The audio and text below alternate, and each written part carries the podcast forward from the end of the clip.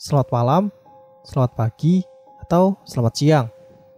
Jumpa lagi dengan mahasiswa siluman. Pada video kali ini, kita akan membahas tentang kisah seorang pendaki yang tersesat di Gunung Ciremai. Cerita ini ditulis oleh Patrick via web yang terjadi ketika dia mendaki di Gunung Ciremai pada tahun 2008. Seperti apa kisahnya? Mari kita mulai ceritanya. Namun sebelum itu, seperti biasa, tekan tombol subscribe dan aktifkan notifikasinya agar kalian tidak ketinggalan jika ada cerita menarik baru dari kami. Gunakan earphone-mu, cari posisi nyaman, dan selamat mendengarkan. Hari itu, aku dan sepupuku Alvin berencana mendaki Gunung Ciremai untuk pertama kalinya. Setelah sebelumnya kami mendaki Gunung Salak dan Gunung Sumbing. Kebetulan kami mempunyai teman orang Kuningan Irma namanya. Kami bertemu Irma di sebuah konser musik underground di daerah Bekasi. Setelah pergi ke warnet untuk mencari info mengenai Gunung Ciremai, maklum HP kami dulu masih merek uh, jadul lah. Berangkatlah kami dari Jakarta menuju Kuningan. Yang sebelumnya kami mengontak Irma dan dia setuju untuk menemani kami mendaki. Singkat cerita sampailah kami di Terminal Kuningan sekitar jam 5 sore dan Irma sudah menunggu kedatangan kami bersama temannya Hendra. Kami langsung menuju rumah Irma yang ternyata tepat berada di kaki Gunung Ciremai. Tapi lucunya, meskipun tinggal di kaki Gunung Ciremai, Irma dan Hendra sama sekali belum pernah mendaki ke Gunung Ciremai. Ya mungkin karena mereka bukan pendaki seperti kami. Setelah puas ngobrol panjang lebar, kami memutuskan untuk mulai pendakian. Tanpa pamit ke ibu Irma, karena Ibu Irma pergi ke masjid dan katanya Irma sudah biasa pergi tanpa berpamitan. Kami menuju pos perizinan terdekat. Tapi Hendra menyarankan kami tidak perlu ke pos perizinan. Dengan alasan dia orang kampung sini. Aku dan Alvin akhirnya menurut saja. Aku mengeluarkan kompas sebagai patokan arah yang menunjukkan puncak ada di daerah timur. Perjalanan dimulai. Hendra memimpin perjalanan melalui ladang-ladang warga dan menembus hutan pinus yang dipenuhi semak belukar yang ditebas Hendra menggunakan parang yang dibawanya dari rumah Irma. Dan ternyata langsung tembus ke jalur utama via Palutungan, tepatnya sebelum pos 3 pengguyungan badak. Kami terus mendaki hingga pos 4. Setelah menemukan lahan datar, kami memutuskan untuk membuka tenda di pos 4 setelah ngopi dan makan cemilan, kami memutuskan untuk tidur karena tenda yang kami bawa hanya cukup untuk dua orang. Akhirnya, aku dan Hendra memutuskan tidur di depan tenda. Sial malam itu, mataku belum juga bisa terpejam. Kulihat jam di tanganku menunjukkan pukul setengah satu malam. Aku memutuskan untuk duduk dan menyalakan sebatang rokok. Kulihat Hendra yang sudah masuk ke alam mimpi ditandai dengan dengkurannya dan tiba-tiba suara seperti orang berjalan dari semak-semak di depanku. Tiba-tiba saja aku jadi merinding. Lalu ku sorot senter ke arah semak-semak dan terlihat sosok seperti nenek-nenek sedang bungkuk mengenakan kebaya berjalan dengan tongkat menuju ke arahku. Langsung ku buang rokok di tanganku dan masuk ke dalam tenda membangunkan Alvin untuk bertukar posisi. Tapi aku tidak mengatakan kalau aku baru saja melihat nenek-nenek. Akhirnya pagi pun tiba. Setelah sarapan, kami melanjutkan perjalanan menuju puncak, tapi tak satu pun pendaki yang kami temui di sepanjang perjalanan. Mungkin karena waktu itu hari kerja. Akhirnya, sekitar 6 jam perjalanan, kami tiba di puncak dan tidak ada orang sama sekali. Sekitar setengah jam di puncak, Barulah ada satu rombongan dari Bandung, berjumlah enam orang yang gabung bersama kami dan berkenalan. Di tengah obrolan, aku menanyakan keberadaan bunga Edelweiss di gunung ini. Dan setelah dijelaskan, kami pun bergegas pergi menuju ladang Edelweiss sekalian turun. Sampailah kami di ladang Edelweiss. Irma dan Hendra ternyata baru pertama kali melihat bunga itu. Aku dan Hendra pun dengan sotoy menjelaskan tentang bunga Edelweiss dan segala mitosnya. Puas di ladang Edelweiss, kami melanjutkan perjalanan untuk turun. Waktu itu sekitar pukul 3 sore. Lalu tibalah kami di persimpangan Linggarjati dan Palutungan. Kami ambil jalur menuju Palutungan. Hingga hari mulai gelap, kami belum juga menemukan jalur yang sama yang kami lewati waktu naik. Tapi kami masih belum berpikiran macam-macam. Karena kami pikir memang jalur utama via Palutungan masih jauh. Akhirnya sekitar jam 7 malam, kami memutuskan membuka tenda dan melanjutkan perjalanan keesokan harinya. Pagi pun tiba. Sekitar pukul 6 pagi, kami mulai melanjutkan perjalanan turun. Hampir tiga jam kami berjalan tapi belum juga menemukan jalur yang kami lalui waktu naik. Anehnya lagi, ada seekor kadal yang terus mengikuti kami entah sejak kapan. Aku mulai cemas saat itu dan yakin bahwa kami tersesat karena jalur yang kami lewati itu terputus. Hanya ada semak bekar setinggi satu meteran di depan kami. Kami pun berhenti dan berunding. Akan dilanjutkan terus turun atau kembali ke puncak. Akhirnya diputuskan kami semua kembali ke puncak. Kadal itu terus mengikuti kami. Karena penasaran, Hendra mencoba mendekati kadal itu dan menghentakkan kaki di tepat di depannya. Tapi kadal itu tetap tidak pergi, seolah menantang Hendra.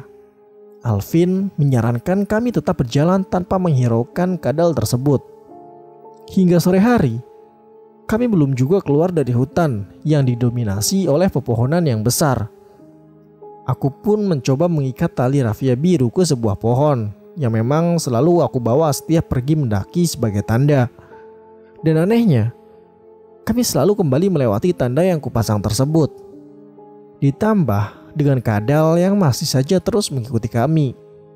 Hari pun telah gelap. Kami kembali membuka tenda dan membuat santap malam.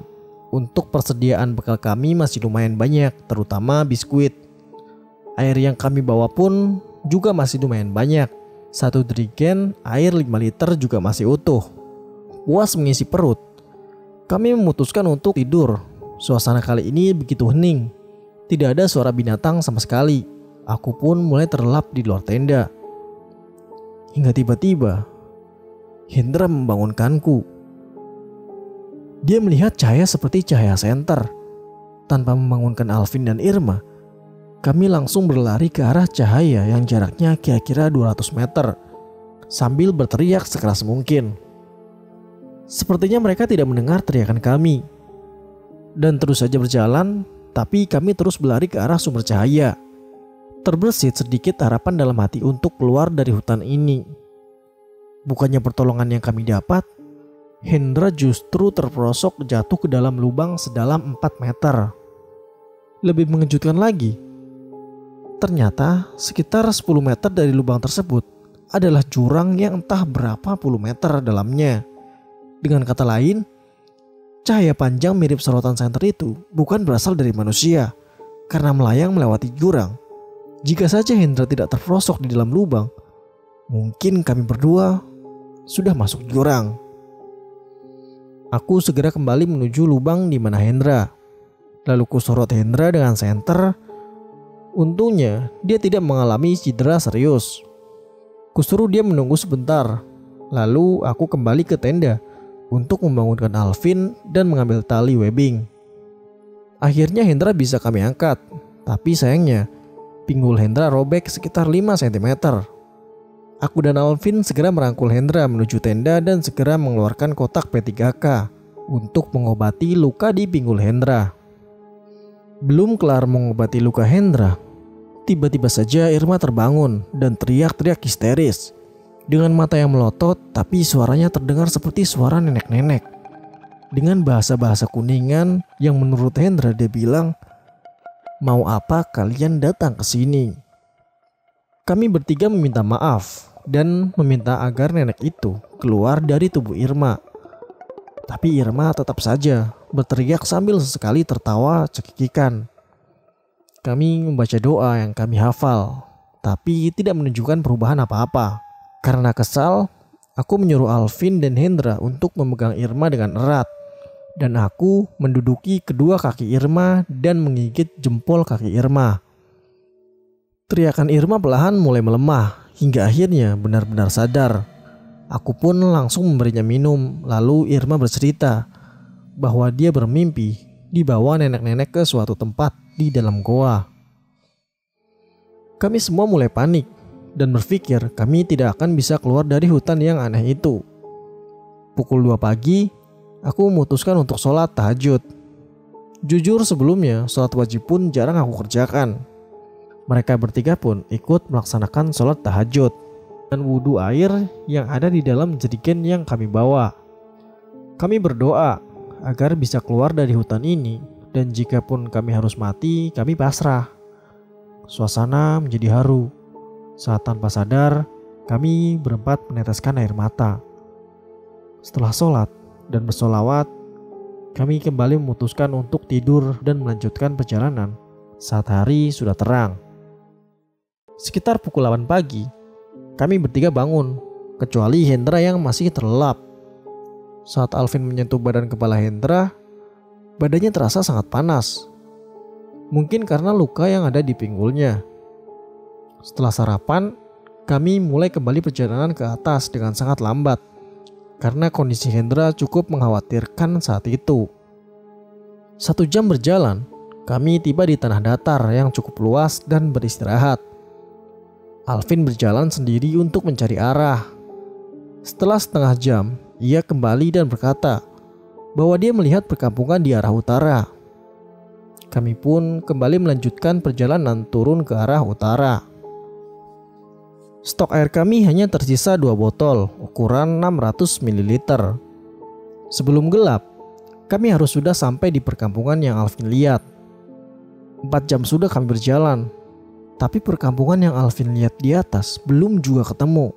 Sialnya, tanda tali rafia yang aku pasang jauh di bawah kembali kami lewati. Padahal, kami telah berjalan sangat jauh ke arah puncak dan berjalan melawan arah dari yang kami pasang tanda. Aku sudah berpikir akan mati di gunung ini. Tapi, keluarga dan teman-teman di Jakarta membuatku tetap optimis kalau aku bisa keluar dari hutan ini. Hari pun kembali gelap. Kami masih berada di hutan yang didominasi pohon-pohon raksasa. Kami kembali membuka tenda dan mengisi perut lalu tidur. Kali ini, aku dan Alvin yang tidur di luar tenda. Tapi sepertinya Alvin tidak bisa tidur. Entah apa yang ia pikirkan. Ia hanya memejamkan mata sambil membaca doa seperti orang yang ketakutan, tapi tidak mau mengatakan apa yang sebenarnya terjadi. Aku pun terus mengamati Alvin sambil sesekali melihat sekitar. Lalu Alvin bangun dan menyuruh kami untuk melanjutkan perjalanan. Saat itu, kira-kira pukul 9 malam. Aku menganjurkan Alvin untuk melanjutkan perjalanan saat terang. Tapi Alvin tetap bersikukuh ingin melanjutkan perjalanan. Akhirnya kami semua menuruti kemauan Alvin karena kami takut Alvin melihat sesuatu yang bisa membahayakan kami. Dengan perasaan yang bingung, kami mengikuti Alvin kembali ke arah atas hingga kembali bertemu dengan tanah datar yang kami temui tadi siang. Anehnya, siang tadi kami berjalan sekitar 7 jam dari tanah datar hingga sampai ke tempat kami membuka tenda. Kali ini hanya butuh waktu sekitar 30 menit. Kami sudah sampai di tempat itu. Kami terus berjalan di area tanah datar itu, lalu kembali turun ke dalam hutan. Tapi kali ini Alvin mengambil arah timur, menembus kegelapan.